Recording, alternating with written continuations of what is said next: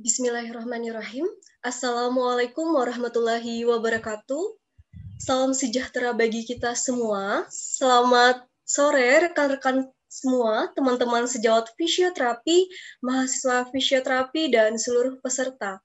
Senang sekali saya Rehani berkesempatan menjadi moderator dalam acara Sunday Movement di mediavisio.id. Baik, pada talk show ini kita akan mendengarkan beberapa materi dari expert speaker tentunya sangat menarik yang akan dibawakan oleh senior fisioterapi kita yaitu teman-teman pasti kenal semuanya ya yaitu Bang Benedictus Adi Prianto yaitu fisioterapis Persib Bandung teman-teman semua. Mengenai TOTEPS Management for Sport Injury. Jadi kita di sini uh, ingin tahu nih apa sih TOTEPS itu, terus bagaimana uh, penanganan pada sport injury seperti itu ya teman-teman. Mungkin langsung saja kita sapa pembicara kita. Halo Bang Ben, apakah sudah ada di sana Bang Ben? Halo, halo Hani, halo semua teman-teman media visio, apa kabar? Sehat semua? Alhamdulillah. Suaranya masuk ya? Ya, suara suara Bang Ben udah kedengeran jelas. Bang Ben, apa kabarnya nih Bang Ben? Baik, kami puji Tuhan, baik semua. ya, alhamdulillah. Uh, eh, BTW selamat ya Bang Ben atas kelahiran anak Bang Ben sama Mbak Mona Lisa. Mantap. Siap, uh, terima kasih atas doanya. Semoga apa namanya semua dibalas doa-doanya teman-teman. Amin amin. Uh, saat ini Bang Ben lagi di mana nih? Kayaknya kelihatan sibuk nih Bang Ben. Aduh ini lagi di maaf uh, teman-teman kesulitan tim kita tim Persib Bandung lagi mau ikut turnamen Piala Wali Kota Solo 2021 jadi tim Persib semua berangkat ke Solo ini udah mau hampir sampai hotel mungkin nanti bakal agak agak riuh sedikit tapi ya mudah-mudahan saya bisa tetap jawab uh, pertanyaan-pertanyaan yang dikasih ataupun diskusi-diskusi yang bakal dibuat sama teman-teman media visio. Oke, okay, it's okay Bang. Uh, semoga sukses terus ya Bang. Ini turnamen-turnamennya dan lain-lainnya. Semoga dilancarkan ya Bang. Um, Oke. Okay. Uh, eh, pada hari ini kita uh, ngebahas nih teman-teman semua tentang uh, bagaimana sih TOTEPS management for sport injury. Nah, uh, pada hari ini mungkin pertama-tama nih saya bertanya nih kepada Bang Ben, bagaimana sih Bang perjalanan karir fisioterapi uh, narasumber nih hingga menjadi fisioterapi sebesar Persib Bandung? Mungkin Bang Ben bisa sharing nggak ke kita step-stepnya lah sampai ke fisioterapis Persib Bandung nih gitu. Monggo Bang Ben. Yang pertama saya minta maaf dulu dengan kondisi yang kayak ini di bus cuman uh, saya mau menjawab pertanyaan dari uh, Mbak Hani. Kalau saya sih dulu kuliah awal di D3 S1-nya di Universitas Muhammadiyah Surakarta. Kemudian saya sekarang lagi ke Solo, jadi saya balik lagi ke tempat kuliah saya dulu. Kemudian saya setelah tamat, saya melanjutin uh, pekerjaan di, di Surabaya. Dulu saya masuk di Visual Trainer Surabaya. Di, jadi setelah apa, ngelamar di sana, dapat, kemudian lagi uh, setelah setahun berjalan mungkin ada tawaran dari tim Persib Bandung. Jadi karena kebetulan saya juga lahir di Bandung, otomatis kan apa ya, uh, saya ngerasa wah saya bisa balik lagi nih ke tempat lahir saya ada sedikit. Jadi saat ada tawaran itu ya nggak pikir dua kali, ya saya ambil tawaran itu untuk uh, jadi visio di tim Persib Bandung walaupun saya tahu resikonya ataupun um, bakal apa ya dengan dengan exposure besar maksudnya banyak orang yang melihat pasti juga mungkin ada hal-hal sedikit mungkin yang kita tidak apa kurang agak kurang pasti orang bakal langsung tahu oh ini masalahnya di sini masalahnya itu. Nah, resiko-resiko yang itu dah. Oleh karena itu saya coba apa saya berani ambil apa ya ambil resiko di situ karena memang ya yang namanya karir ya harus berani ambil resiko ya ini karena kalau kita nggak ambil resiko kita nggak pernah uh, forward ke depan nggak pernah maju ke ke depan dan puji Tuhan saya berjalan waktu itu masih di tahun 2016 dan puji Tuhan sampai saat ini 2021 saya masih dipercaya sama manajemen lagi teman-teman di tim Persib Bandung untuk jadi fisioterapisnya di tim Persib Bandung gitu sih mbak nih singkatnya. Oke, keren banget ya teman-teman semua perjalanan Bang Ben uh, sejauh ini dari 2016 sampai dengan 2021 tentunya sangat tidak mudah ya Bang Ben. Uh, tadi terkait resiko nih Bang, mungkin uh, sharing boleh sharing nggak sih Bang kayak kendala-kendala Bang Ben ini selama uh, fisioterapi uh, Persib Bandung nih, mungkin uh, apa yang menjadi kendala besar ketika Bang Ben masuk ke dalam suatu apa ya fisioterapi turnamen seperti itu Bang Ben? Di tim maksud di tim ya maksudnya iya yeah. oke okay.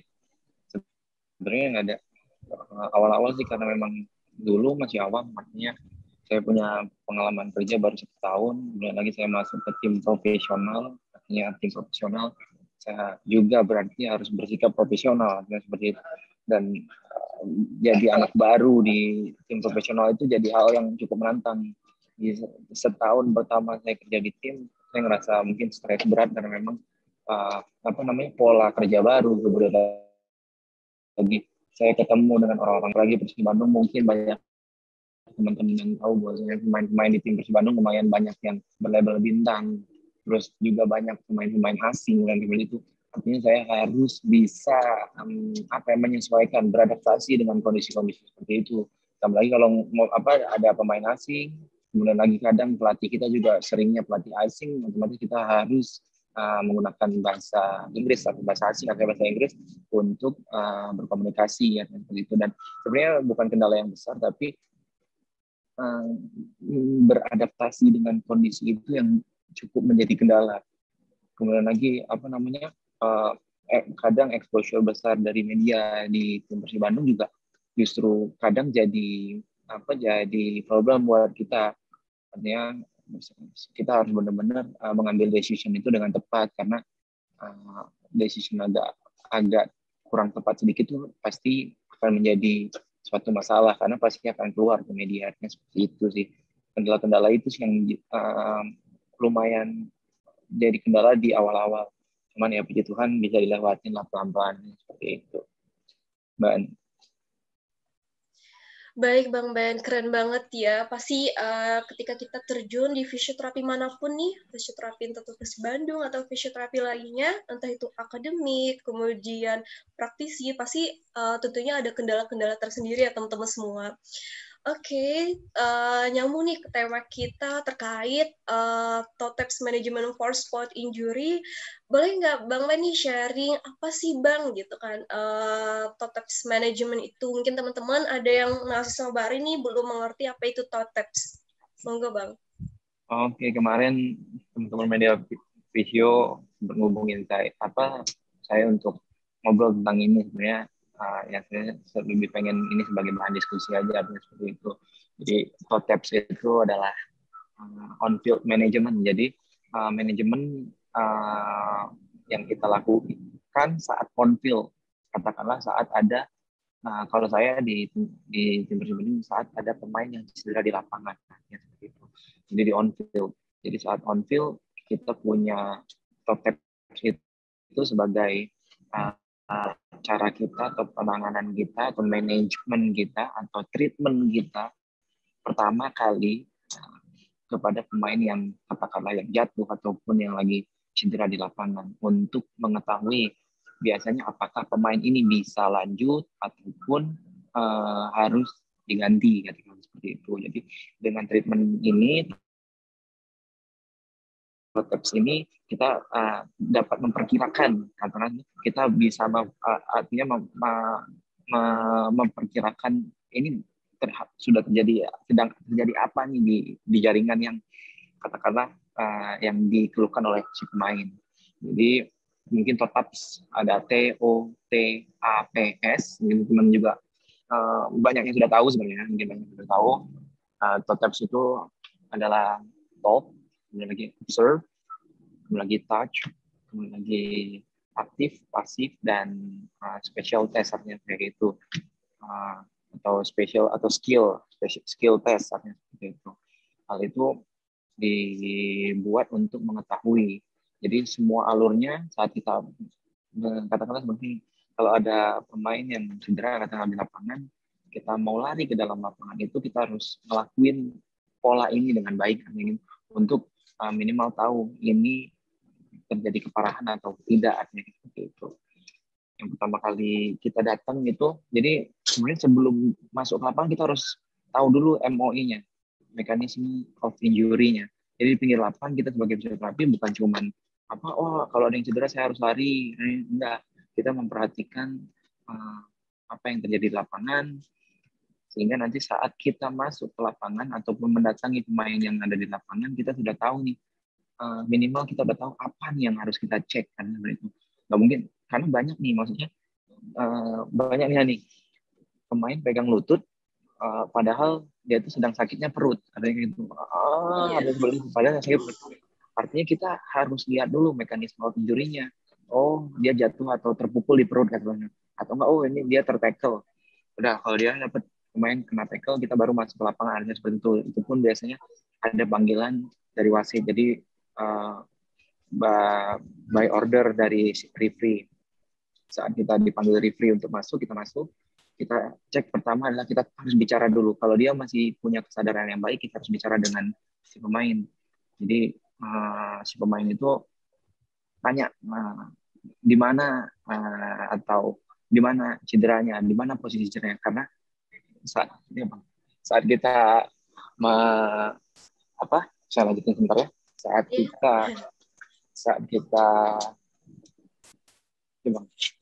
Saat kita uh, masuk ke lapangan kadang ya itu yang tadi kadang dia sakitnya di perut tiba-tiba pegangnya lutut.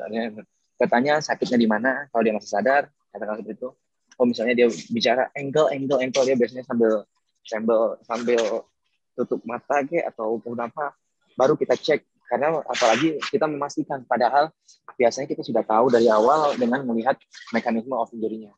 Oke, dari top itu kita kemudian lagi kita uh, observasi nih. Observasi uh, gimana sih kondisi kondisi pemainnya. Apakah apa namanya?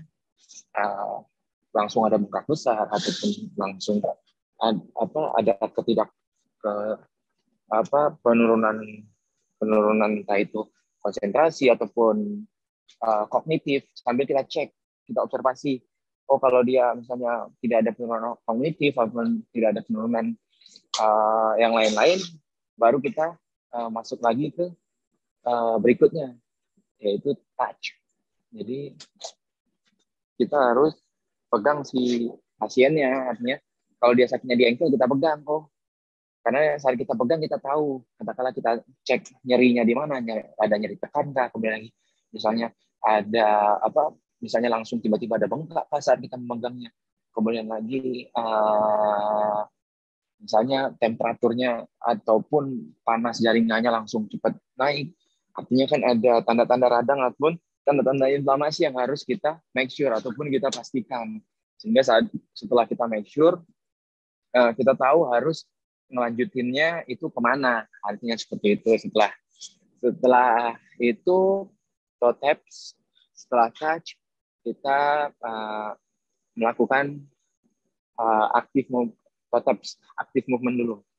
Jadi aktif aktif tes dulu ataupun biasanya kita uh, suruh si pemain untuk gerakin kakinya ataupun ankle-nya. Misalnya dia benar-benar udah nggak mampu, udah nggak mampu untuk gerakin katakanlah oh berarti ada ada masalah yang cukup nih dan seperti itu. Atau kalau misalnya nih, kalau dia rupture rupture tendon dia ankle yang dipegang ankle-nya, tapi yang rupture tendon Achilles atau putus tendon Achillesnya, otomatis kan uh, si gerakan apa namanya dari ankle tidak bisa uh, tidak mampu untuk digerakkan ada seperti itu. Uh, artinya itu berarti ada keparahannya baru dicek dengan pasif seperti itu. Tapi kalau misalnya mampu digerakkan artinya sambil kita cek lagi pasifnya. Biasanya kalau sudah aktif didapat, pasif sebenarnya hanya untuk make sure uh, informasi tambahan, hanya seperti itu. Saat uh, di pasif itu dia masih bisa gerak terus kemudian lagi misalnya GPM-nya joint nya dia nggak ada katakanlah dislokasi atau ataupun subluxasi misalnya seperti itu oh artinya ini mungkin masih uh, green green light untuk uh, green flag untuk dilanjutkan. Artinya itu masih lampu hijau untuk melanjutkan pertandingan katakanlah seperti itu. Kemudian lagi saat uh, dia uh, ini sudah kita cek aktif kemudian itu pasif uh, kita cek lagi dengan uh, skill testnya ataupun special testnya. Katakanlah ankle oke okay. dia uh, biasanya kita coba dulu misalnya jongkok berdiri kemudian lagi apa namanya coba skip sedikit skip kecil. Skip itu seperti lari jogging tapi di tempat skip kecil. Kalau dia mampu untuk melakukannya kemungkinan besar kemungkinan besar itu uh, dia masih bisa melanjutin pertandingan misalnya seperti itu. Kemudian lagi sambil itu kita lihat dia seru langkah ataupun uh, jogging kecil. Kalau dia tidak mampu melangkah lebih dari empat misalnya untuk ankle ya lebih dari empat langkah kemungkinan misalnya kita ditakutkan adanya katakanlah ada fracture, kemudian lagi misalnya iya ada fracture di uh, tulang di sekitar ankle-nya. Itu biasanya ada namanya uh, seingat saya itu ada namanya Warsawa uh, Warsawa ankle rules. Nanti coba sambil sambil saya uh, lihatnya ada Warsawa ankle rule ankle rules. Jadi di situ um, diketahui uh, kalau misalnya sebanyak empat langkah sebanyak empat langkah itu tidak mampu itu kemungkinan biasanya oh sorry Ottawa ankle rules Ottawa ankle rules. Jadi kalau dilakukan Ottawa apa saat dipegang misalnya dengan Ottawa ankle loose Ottawa ankle loose itu kita pegang uh, medial ataupun lateral dari ankle misalnya. Dipegang itu ada bunyi atau gravitasi ataupun ada seperti ada retakan ada yang goyang. Kemungkinan ada yang fraktur di daerah ankle-nya misalnya seperti itu. Ya jadi saat ataupun tidak mampu melangkah sebanyak empat langkah kemungkinan ada permasalahan di di situ misalnya seperti itu. Jadi uh, dengan begitu setelah melalui tahapan totep kita baru bisa uh, ngomong nih ke pelatih. Misalnya kita ngasih kode ke pelatih untuk oh ini bisa oh ini bisa lanjut. Ataupun oh ini nggak bisa lanjut nih misalnya. Katakanlah seperti itu. Jadi itulah fungsinya uh, fungsinya totep itu uh, Lani gitu. Baik, begitu ya teman-teman. Bagaimana penerapan uh, TOTEPS management pada sport injury seperti itu.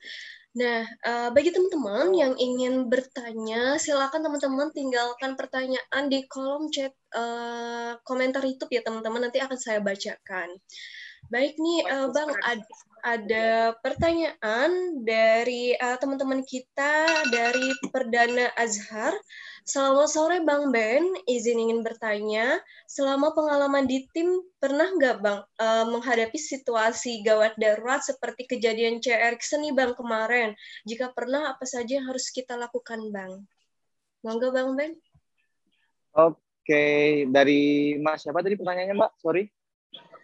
Dari Mas Perdana. Mas Perdana, oke. Okay. Um, sebenarnya kalau yang kejadian sama pers dengan C. Erik, C. Erikson sih uh, belum ada, tapi kemarin juga kita ada uh, pemain yang uh, ada di ada cedera kepala, jadi um, ada sempat hilang kesadaran, artinya seperti itu. Uh, artinya saat saat itu terjadi sebenarnya yang dilakuin Erikson di timnas timnas timnas Denmark kalau nggak salah di timnas Denmark kemarin di Euro itu baru-baru ini.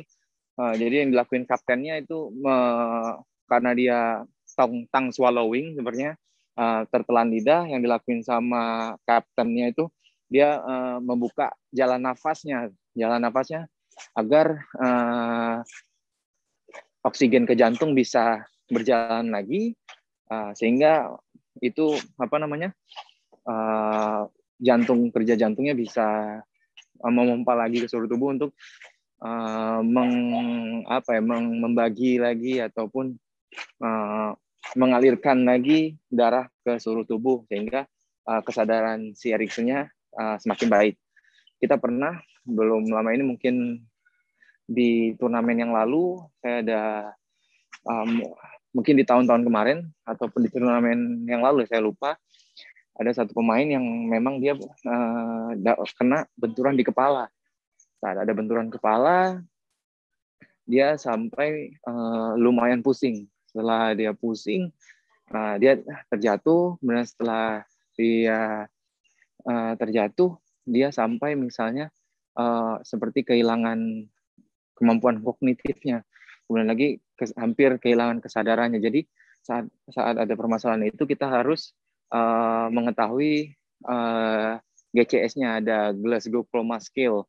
Jadi kita harus tahu uh, visualnya, terus beberapa item yang ada di GCS kita pastikan itu verbalnya, visualnya. Misalnya dia masih masih bisa diajak bicara, kesadarannya masih baik, misalnya seperti itu.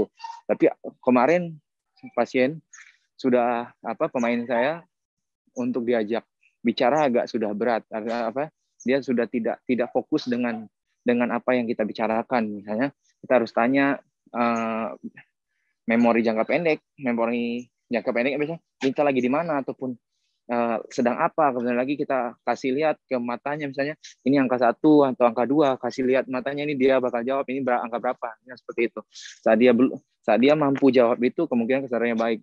Nah, kemarin kesadarannya agak turun karena uh, nilai GCS saya lupa, tapi dari beberapa item itu uh, ada hal-hal yang tidak dapat dilakukan si pemain dengan baik. Ya, kalaupun uh, ada permasalahan seperti itu ya kita uh, kita tetap harus uh, ada konsep DRS ACBD itu airway, circulation, breathing, terus defibrillation kalau memang ada masalah sampai permasalahan jantungnya. Artinya seperti itu. Dan DRS ACBD, um, airway airway circulation, airway breathing circulation, kemudian lagi defibrillation. Saat dia kehilangan jalan nafas, misalnya kita harus buka jalan nafasnya, kemudian lagi uh, sirkulasi sirkulasinya, kemudian lagi uh, breathingnya, kita harus mengusahakan dia breathing dengan enak. Jadi kita nggak boleh ngeriung ke si pemain. Jadi nggak boleh saat ada yang ter, seperti itu, semua ada pemain-pemain lain ada dekat dia. Itu nggak boleh. Kita harus ngejauhin karena biar uh, suplai oksigen ke tubuh dia itu banyak. Artinya seperti itu. Kemudian lagi kita harus jaga juga. Misalnya ada benturan kepala, kita harus hati-hati dengan uh, lehernya. Kita misalnya harus pakai saat itu kita sambil jaga apa saat kita mau transfer ambulasi si pemain misalnya katakanlah dari dari dari lapangan ke apa ke tandu dari tandu ke ambulans karena seperti itu dia jadi sampai dibawa ke rumah sakit karena itu. Jadi kita harus menjaga gerakan atau meminimalisir gerakan pada lehernya. Karena kita takutkan ada katakanlah fraktur di uh, leher. Saat ada fraktur di leher takutnya ada menyenggol saraf-saraf tertentu yang ada di leher sehingga uh, mengganggu suplai oksigen ke otak. Saat suplai oksigen ke otak berkurang dalam uh, detik saja biasanya pasien atau pemain punya resiko kematian yang sangat tinggi atau oleh karena itu itu harus harus dihindari dan harus dilakukan secara cepat dan secara tanggap. Jadi nanti kita harus jaga si uh, lehernya, kemudian lagi kita pakaikan neck collar agar uh, si lehernya tidak bergerak terlalu uh, mobile, artinya seperti itu. Baru nanti dilanjutkan dengan dibawa ke rumah sakit ataupun kita cek kalau memang dia kondisinya bagus, ya, diobservasi artinya seperti itu sih. Biasa yang harus kita lakuin kalau ada kedaruratan kayak gitu sih uh, bang perdana atau mas perdana yang pernah saya alami Baik, begitu ya, uh, Mas Perdana Azhar. Uh, begitu banyak ya yang hal harus kita perhatikan ketika kita dalam melakukan TOTEPS management seperti itu. Mungkin uh, jika ada feedback nih dari teman-teman bisa chat di kolom komentar YouTube. Uh, baik nih Bang, ada pertanyaan lagi nih dari Bunga nih. Uh, pertanyaannya, uh, mengapa sih Bang perlu diadakannya tes skill dalam aplikasi prosedur TOTEPS? Silakan Bang Ben. Oke, uh, Mbak Bunga, saya pakai video lagi nih. Oke, okay. uh, kemudian saya udah nyampe hotel. Kenapa harus dilakukan uh, tes skill? Karena biasanya TOTEPS itu digunakan untuk mengambil ke, uh, decision. Uh, pemain ini bisa lanjut bermain ataupun harus istirahat ataupun harus berhenti dari pertandingan. Saat dia sudah tidak bisa ngelakuin tes skill, katakanlah dia berdiri aja sudah susah, untuk tes skill dia sudah tidak mampu, ya itu hal yang tidak mungkin kalau kita memaksakan dia untuk melanjutkan pertandingan. Makanya tes skill itu penting saat dia cedera ankle, saat dia sudah tidak mampu jalan, kita nggak mungkin dia suruh untuk main lagi karena di permainan dia membutuhkan lari, jalan aja susah, gimana mau lari? Artinya seperti itu.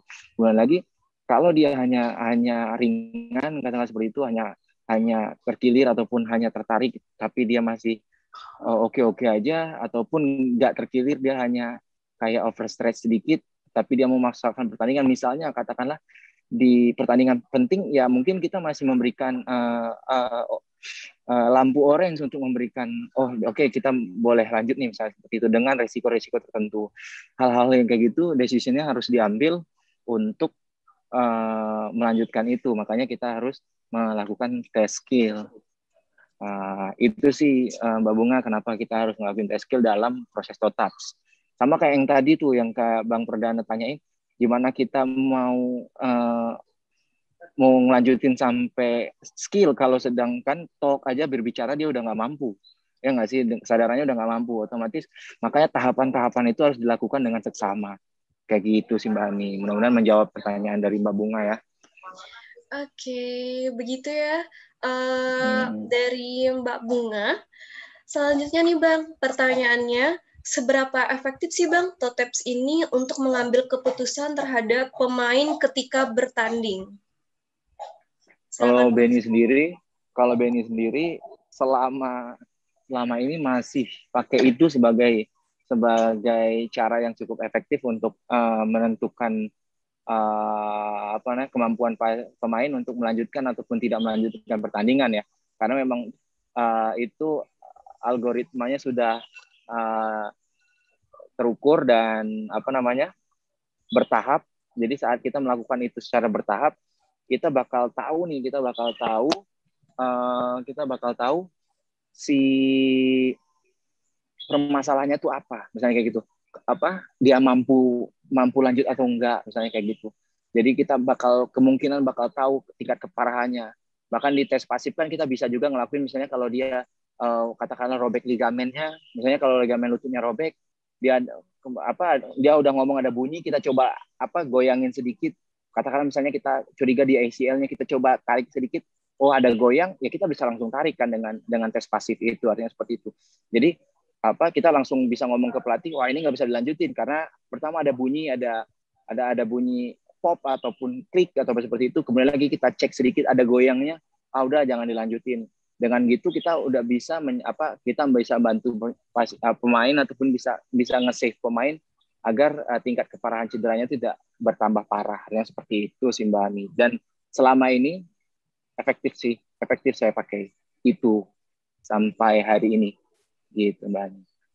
Oke, terima kasih Bang Ben. Uh, pertanyaan selanjutnya nih Bang Ben uh, apa yang biasa menjadi kendala sih Bang dalam penerapan TOTEPS manajemen ini ketika di lapangan nih? Mungkin pengalamannya Bang Ben juga nih. Kendalanya TOTEPS ya?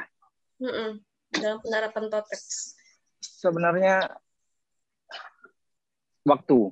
Karena saat kita yeah. masuk ke lapangan, kita pasti dibatas waktu sama referee. Kita nggak bisa ngelakuin itu secara apa pelan kita lihat terus kita talk dulu observe dulu aktif pasif dan itu berlakukan secara pelan-pelan kita kalau bisa ngelakuin itu secara uh, cepat dan tepat artinya seperti itu jadi sebenarnya tantangannya itu gimana caranya kita meng, apa menjalankan totep ini secara cepat dan tepat. Artinya seperti itu. Dan itu jadi kendala dong karena memang kadang kita bisa hanya mengasesmen sebenarnya itu modal kita untuk mengasesmen sesuatu juga kan di dalam lapangan ataupun on field management. Jadi uh, saat kita di lapangan kita hanya mungkin punya waktu kurang dari satu atau dua menit untuk tahu nih. Untuk biasanya pelatih udah tanya-tanya gimana? Lanjut enggak ah kayak gitu dan kita harus dalam waktu kurang dari satu dua menit kita harus punya keputusan lanjut ataupun tidak artinya seperti itu. Jadi hmm, kendalanya ya di waktu sih artinya kendalanya atau taps ini di waktu. Tapi kalau kita sudah terbiasa ya semuanya sebenarnya ala bisa karena biasa. Saya juga dulu awalnya uh, mungkin sulit untuk menerapkannya tapi pelan-pelan ke sini akhirnya itu menjadi kebiasaan dan itu sudah menjadi hal yang har, apa terus saya lakukan setiap ada pemain yang katakanlah cedera di lapangan ataupun ada masalah di lapangan kayak gitu sih mbak Oke, ini ada pertanyaan nih dari Mas Azhar nih Bang. Uh, pertanyaannya, okay. pengalaman pertama melakukan tindakan kegawat daruratan itu kapan sih Bang dan di mana? Mungkin ini pengalaman Bang Ben ya, pertama kali dalam menangani uh, tindak kegawat daruratan nih. Kalau kegawat daruratan sih sebenarnya ya baru tahun-tahun ini, baru tahun ini yang kemarin saya, yang tadi saya ceritain itu, yang apa ada ada benturan kepala. Nah, itu yang ini tapi puji Tuhan pemainnya sehat sampai hari ini dan uh, bisa lanjut lagi main itu sih yang pertama cuman saya sering kadang ketemu kayak uh, mungkin fraktur misalnya seperti itu ada pemain kita yang fraktur tibia fibula di lapangan ada benturan di situ kita harus tahu fisioterapi nggak ngelakuin apa-apa saat ada apa fraktur tibia apa ada fraktur di situ. Kita hanya mengimobilisasi. Gimana caranya si pemain tidak gerak terlalu banyak sampai misalnya ada ada ada alat imobilisasinya. Jadi kita pegangin sampai alat imobilisasinya ada. Entah itu spalet entah itu katakanlah um, ya biasanya pakai spalet dikunci agar gerakan dari uh, ekstremitasnya tidak terlalu banyak sehingga menggerakkan si tulang jauh dari posisinya jadi kita mengimobilisasi itu dan Iya, itu sih yang selain kedaruratan yang saya saya cerita apa ceritain tadi ataupun yang saya temuin tadi, ya paling ketemu-ketemu fraktur sih yang kadang uh, itu terlihat seperti darurat karena memang harus segera di harus segera tidak tidak segera banget tapi kalau bisa segera di uh, evakuasi artinya seperti itu. Mbak Ani. Oke, begitu ya uh, teman-teman. Uh, dan ini juga pertanyaan pribadi nih dari saya nih Bang Ben. Uh, mungkin nih yang terjadi nih dari mahasiswa atau mahasiswa yang baru lulus nih uh, S1 profesi fisioterapi, mereka itu kayak banyak Bang kayak bingung nih. Uh, kita udah belajar teorinya gitu kan, kita udah belajar TOTEPS, kemudian price segala macam. Tapi mungkin bagi teman-teman yang belum terjun on field gitu kan, pasti bingung untuk menanganinya di lapangan. Mungkin Bang Ben bisa kasih tips nggak sih untuk teman-teman mahasiswa fisioterapi tentunya dalam penanganan uh, TOTEPS di lapangan gitu kan. Apalagi yang bingung harus gimana walaupun kita tahu teori kan pasti juga ada rasa uh, nervous gitu Bang. Tipsnya sih be brave. Okay. Jadilah berani. Ada kayak gitu uh, kalaupun ada kesalahan nantinya pasti bisa diperbaiki lagi. Ya modal saya awal ya berani sih karena kalau nggak berani kita nggak akan uh, bisa di lapangan. Saya dulu ngawalin dulu waktu zaman kuliah saya ikut di sport physio, tim sport physio ada di UMS ada ada apa namanya uh, satu wadah uh, kayak study club gitu ya kegiatan dari mahasiswa uh, study club tertentu, study club yang uh, fokus ke terapi olahraga. Jadi saya dulu uh, jagain basket, jagain karate, jagain taekwondo. Dibayarnya pakai apa namanya nasi bungkus. Itu udah happy banget karena kalau itu acaranya siang berarti makan siang lewat. Kalau itu acaranya malam berarti makan malam lewat karena ada makanan gratis dari situ. Seperti itu. Artinya dengan dengan dengan dibayar itu pun udah happy banget. Anak mahasiswa dibayar itu udah happy banget karena nggak perlu ngeluarin biaya untuk makan katanya. Kita punya ilmu yang kepake dan orang bayar katakan seperti itu dengan makanan itu udah wow. Dan kadang ada yang terima kasih pun itu cukup. Tapi saat kita berani untuk uh, ambil resiko itu ataupun kita pergi untuk uh, ngelakuin hal yang bisa kita lakuin, otomatis kita akan semakin apa terasa skill kita karena skill itu nggak bisa hanya uh, satu kecip kayak gitu nggak bisa. Kita harus uh, ngelewatin prosesnya saat kita uh, belajar suatu skill apa pun ya. Mau itu katakanlah kalau uh, di apa di bidang lain misalnya desain kemudian dan lagi speaking. Kayak Hani nggak mungkin Hani seberani ini untuk ngomong hey kak gimana? Nggak akan seberani itu. Tapi setelah melewati prosesnya otomatis skill akan terasa. Semua akan terasa dengan uh, proses uh, dilakukan berulang-ulang trial and error selalu belajar. Itu sih yang jadi tips buat saya. Jadi berani untuk ngelakuin apa yang uh, dilakukan untuk skill baru. Artinya seperti itu sih berani. Oke, begitu ya teman-teman semua. Uh, tentunya kita harus uh, berani ya dalam melakukan apa pun entah itu kita pengen on field atau kita uh, terjun di uh, fisioterapi lapangan dan uh, dan lainnya ya teman-teman. Uh, terus tadi ada temen yang pengen request nih bang boleh nggak cerita gitu kan pengalaman pengalaman bang Ben nih selama bang Ben on field nih pasti kan waktu mahasiswa sering on field ngikut uh, turnamen ini turnamen itu gitu kan hmm, sebelum Bang Ben seperti sekarang tentunya kan dulu sering on field boleh nggak sih Bang kayak cerita dulu apakah kayak pengalaman hal-hal yang uh, jadi kendala atau pengalaman yang luar biasa nih ketika uh, Bang Ben on field gitu? Sebenarnya jadi di on field pertama saya dulu di basket. Jadi uh, on field pertama di basket saya masuk berdua sama teman saya yang cedera di dalam lapangan. Karena saya salah pegang waktu itu jadi harusnya sebenarnya kalau misalnya kata kalau ada cedera kalau bisa uh, misalnya dia ada ankle apa cedera ankle atau apa kalau bisa jangan jangan dulu buka sepatunya. Karena apa? Kita memperbanyak mobilisasi di sendinya. Waktu itu kita buka nih kita buka tiba-tiba dia teriak eh sakit. Dan itu jadi uh, jadi shock terapi buat kita. Oh oh boleh ngakuin karena setelah kita baca-baca lagi nah itu yang namanya trial and error setelah kita baca-baca lagi kita ngebuka itu tuh pertama nambah nambah apa gerak mobilisasinya. Itu pun kalau memang dia benar-benarnya itu menambah uh, stimulasi untuk tambah sakit. Sehingga uh, padahal yang harus kita lakukan adalah mungkin kita kita lihat tapi dengan uh, dengan tidak membuka sepatunya waktu itu. Dengan cukup kita ya itu dengan toe taps itu kita observe dulu kita bicara dulu. Kita langsung buka aja sepatunya. Itu kesalahan saya waktu itu toe tapsnya belum kita pakai ya seperti itu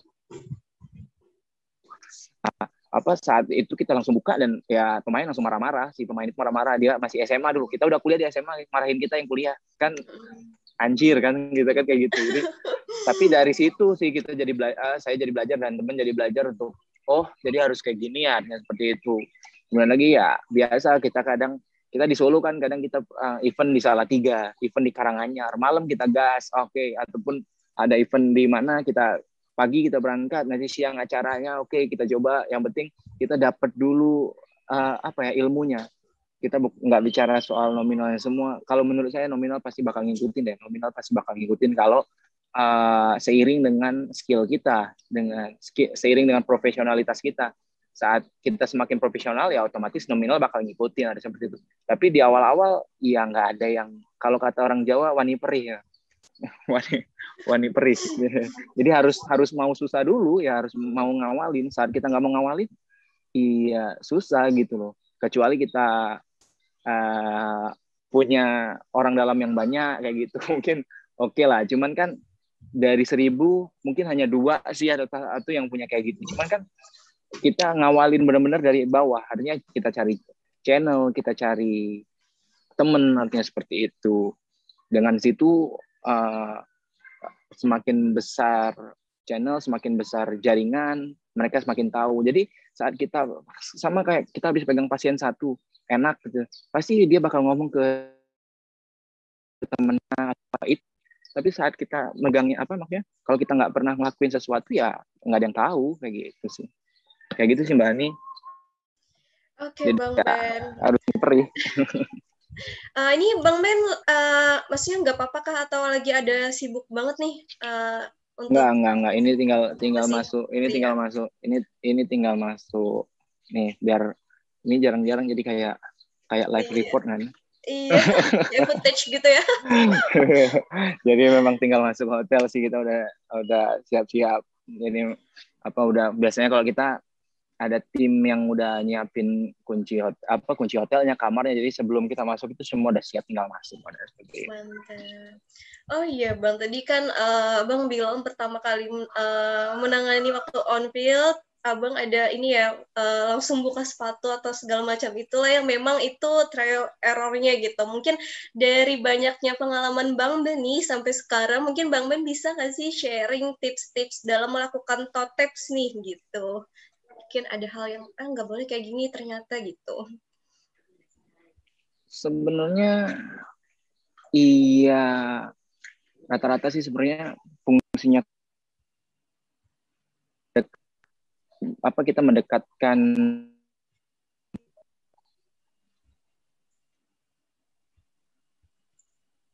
Halo? Cek. Halo, ya.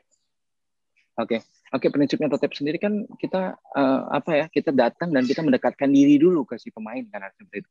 Kita harus tahu dulu, kita bicara dulu.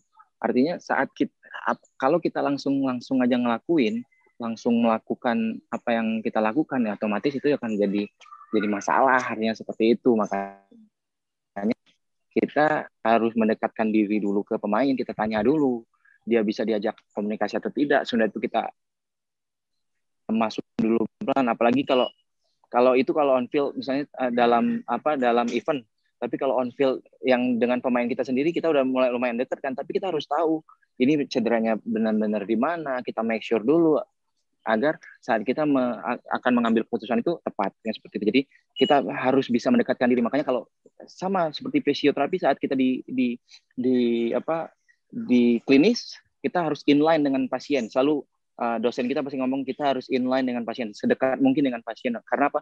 Dengan itu kita tahu kita apa sega apa kita bisa tahu arahnya ke mana, arah bicaranya ke mana, kemudian lagi treatmentnya harus seperti apa jadi kita harus inline dulu sih dengan pasiennya atau inline dulu dengan pemain pemain kita yang akan kita treat ya, seperti itu.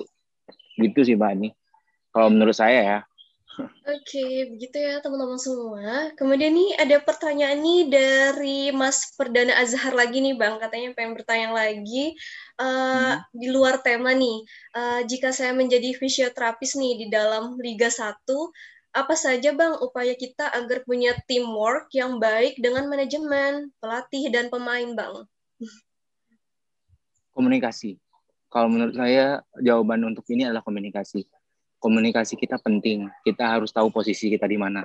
Kita nggak bisa ngerasa bahwasanya wah yang namanya teamwork itu kita bekerja as a team. Kita bekerja sebagai tim. Kita nggak bisa nih ada kerjaan walaupun ini kerjaan katakanlah uh, ini ini kerja yang si A kerjaanku. Kalau memang kita bisa bantu, bantu. Artinya seperti itu. Karena apa? Uh, ya itulah namanya teamwork. Saat kita nanti butuh bantuan, mereka pasti akan bantu kita. Artinya itu. Dan saat kita berkomunikasi, kita harus uh, tahu cara komunikasinya, entah itu dengan pelatih, entah itu dengan apa namanya, dengan pemain itu sendiri, kemudian lagi dengan manajemen. Kita harus tahu posisi kita di mana. Kita nggak bisa dong oh no coach uh, gini gini gini misalnya kayak gitu dengan dengan kurang sopan atau seperti itu kan nggak bisa artinya seperti itu kita harus tahu posisi kita harus bisa berkomunikasi dengan baik kita harus menerjemahkan sesuatu dengan baik agar uh, apa yang kita mau itu bisa diterima dan kita juga tidak bisa ya tidak bisa memaksakan diri ataupun katakan wah ini idealis nih idealis itu bagus sangat bagus tapi cara mencapai idealis itu ada yang direct idealis ada yang indirect plan. Oh dari dia kita butuh A, kita ke B dulu, nanti ke C, oke nanti lama-lama nyampe ke A dong. Tapi ada juga langsung ke A. Tapi saat dia langsung ke A, ada ada orang lain yang tidak tidak seberapa dengan kita, jadi kurang kurang kurang respect dengan kita. Otomatis kan itu mengganggu komunikasi. Jadi komunikasi itu penting sih kalau uh, di mana pun berada. Seperti itu. Oke, begitu ya Mas Perdana. Uh, mungkin ini uh, untuk pesan bagi mahasiswa fisioterapi juga kan. Karena Bang Ben termasuk salah satu apa ya uh, public figure yang bagi teman-teman itu yang menjadi panutan gitu. Bang Ben merupakan contoh bagi teman-teman mahasiswa fisioterapi untuk semangat nih uh, pengen juga nih jadi fisioterapis Persib Bandung ataupun fisioterapi uh, apa namanya klub-klub lainnya gitu. Uh, mungkin Bang Ben ada pesan nggak dan saran nih untuk mahasiswa fisioterapi di seluruh Indonesia? Sebenarnya uh, ya belajar yang tekun, artinya kayak gitu, asah skill kita, kemudian lagi banyak banyak uh, banyak banyak bergaul dengan siapa pun artinya seperti itu kemudian lagi untuk melebarkan jaringan kita karena kadang rezeki kita tuh ada dikasih tahu sama teman kita. Kadang rezeki kita tuh dikasih tahu sama klien kita. Kadang rezeki kita tuh dikasih tahu sama entah siapa yang kita kenal. Makanya kita harus melebarin jaringan kita harus mengasah skill kita. Jadi uh, apa ya saat kita banyak yang punya kesempatan tapi kalau tidak punya kemampuan kita akan tidak berani untuk ambil risiko. Dia punya kemampuan tapi kesempatannya belum ada uh, dia apa juga sulit untuk dapat sesuatu. Kemudian lagi uh, ya doa ya. Doa juga penting penting banget doa untuk menunjang uh, kesuksesan kita. Tapi saat kita punya dua-duanya ada kesempatan ada kemampuan ya itu tinggal di hub aja. Oh saya udah mampu nih. Dia nawarin A kita udah punya skill A. Hub tangkap. Tapi saat kita dia nawarin A, kita belum punya skill itu, ya kita tidak bisa tangkap karena kita tidak berani untuk ambil resikonya. Makanya kita harus siapin skill, kita harus uh, ya lebar jaringan untuk cari kesempatan, artinya seperti itu. Kemudian lagi harus ya berdoalah untuk uh, mencapai kesuksesan. Walaupun saya merasa saya ini belum sukses, saya masih banyak yang harus kita kejar, banyak teman-teman yang ini dan masih banyak yang harus uh, saya apa pelajari lagi karena jujur saya masih uh, ingin banyak belajar untuk mendalami lagi uh, apa yang ada di dunia fisioterapi, kemudian di dunia kerja dan di karir saya. Artinya seperti itu sih Mbak. Oke, uh, keren banget ya teman-teman. Dari tadi uh, mungkin teman-teman banyak yang ingin bertanya juga nih ke Bang Ben. Mungkin karena juga waktunya terbatas nih ya teman-teman. Dan uh, ini beberapa pertanyaan lagi nih sebagai penutup nih Bang. Untuk harapan Bang Ben sendiri nih uh, dalam perkembangan fisioterapi di Indonesia Bang. Harapan untuk hal yang harap, harap, harapan yang sama uh, tingkatkan skill kita, kemudian lagi tingkatkan kompetensi kita karena di dunia kerja nanti uh, kompetensi yang teman-teman pelajari di kampus itu uh, akan sangat terpakai. Jadi saat kompetensi kita belum mumpuni, otomatis saat kita pegang pasien, kita touch pasien itu akan akan sulit untuk uh, berjalan dengan baik. Jadi mumpung sekarang mungkin teman-teman yang masih kuliah, pelajarin pelajarin lagi skillnya, kemudian lagi belajar lagi dengan lebih giat untuk untuk mendapatkan kompetensinya. Walaupun ya sama saya juga dulu nggak belajar rajin-rajin amat, tapi ada hal yang tertentu saya uh, yang saya suka saya pelajari. Katakanlah ya saat belajar di kampus ini saya waktu itu udah suka sport dengan uh, dengan neuro. Saya pelajarin itu. Biarinlah misalnya katakanlah uh, saya pelajarin itu dengan lebih fokus daripada pelajaran yang lain agar nanti saat keluar oh saya sudah tahu arahnya. Oh nanti kalau saya masuk ke sini saya sudah bisa ini saya masuk ke sini. Jadi uh, apalagi kalau udah mahasiswa semester akhir udah harus tahu nih arah-arahnya kira-kira ke mana sambil kita dapetin skill kita.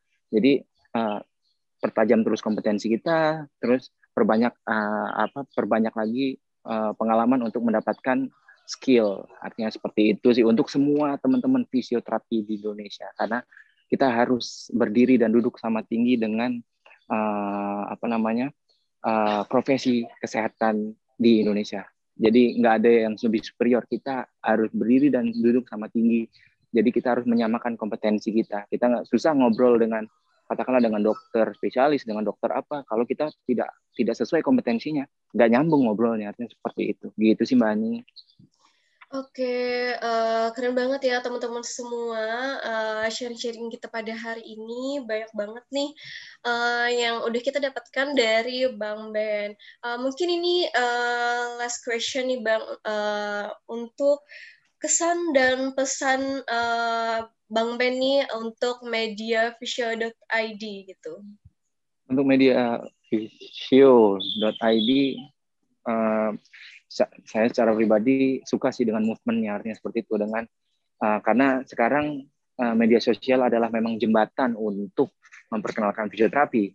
Kemudian lagi apa uh, uh, memberi tahu ke masyarakat bahwasanya uh, fisioterapi itu seperti apa apa yang harus dilakukan. Kemudian lagi menjadi media sosial untuk mahasiswa fisioterapi juga fisioterapi yang sudah lulus untuk apa tahu tentang uh, banyak banyak pengetahuan. Karena saya lihat di media visual ini banyak banyak ngobrol dengan banyak orang. Mereka tidak ada uh, pilih-pilih orang artinya seperti itu. Mereka belajar dari banyak orang. Karena sebenarnya setiap orang pada prinsipnya ada jelek dan ada baiknya. Dan saya lihat media visio selalu mengambil baiknya dari setiap person yang uh, diajak bicara artinya seperti itu. Jadi uh, maju terus untuk media visio uh, kalian keren lah kalian uh, memperkenalkan banyak uh, tentang fisioterapi ke masyarakat juga ke kala, uh, halang, halangan fisioterapi sendiri sukses untuk media visio ke depannya dan makin maju jangan pernah berhenti di sini oke okay? itu aja sih kalau menurut saya pribadi Oke, baik. Terima kasih banyak untuk Bang Benedictus Adi Prianto atas ilmu yang sangat bermanfaat yang diberikan kepada kita semua pada uh, sharing hari ini. Mudah-mudahan ilmu ini dapat diaplikasikan dalam praktek fisioterapi nantinya. Terima kasih juga untuk peserta atas antusiasme yang luar biasa. Saya selaku moderator memohon maaf apabila selama memandu acara. Akhir kata saya tutup dengan selamat sore. Wassalamualaikum Assalamualaikum warahmatullahi wabarakatuh. Jangan lupa ya, ya teman-teman untuk subscribe channel mediavisio.id dan follow Instagramnya di mediavisio.id. Terima Bani, kasih. Bani, Bani, saya juga minta maaf ya kalau ada hal-hal yang kurang uh, tepat. Kemudian lagi uh, kondisi yang kayak gini, saya lagi di perjalanan, jadi uh, menyampaikannya kurang kurang maksimal. Saya mohon maaf, tapi semoga apa yang saya sampaikan bisa bermanfaat bagi teman-teman semua. Sukses selalu untuk media visio, sukses selalu untuk uh, fisioterapi di Indonesia. Selamat sore. ya, terima kasih Bang Ben. Mari Bang Ben uh, bisa okay, melanjutkan yo. kegiatannya.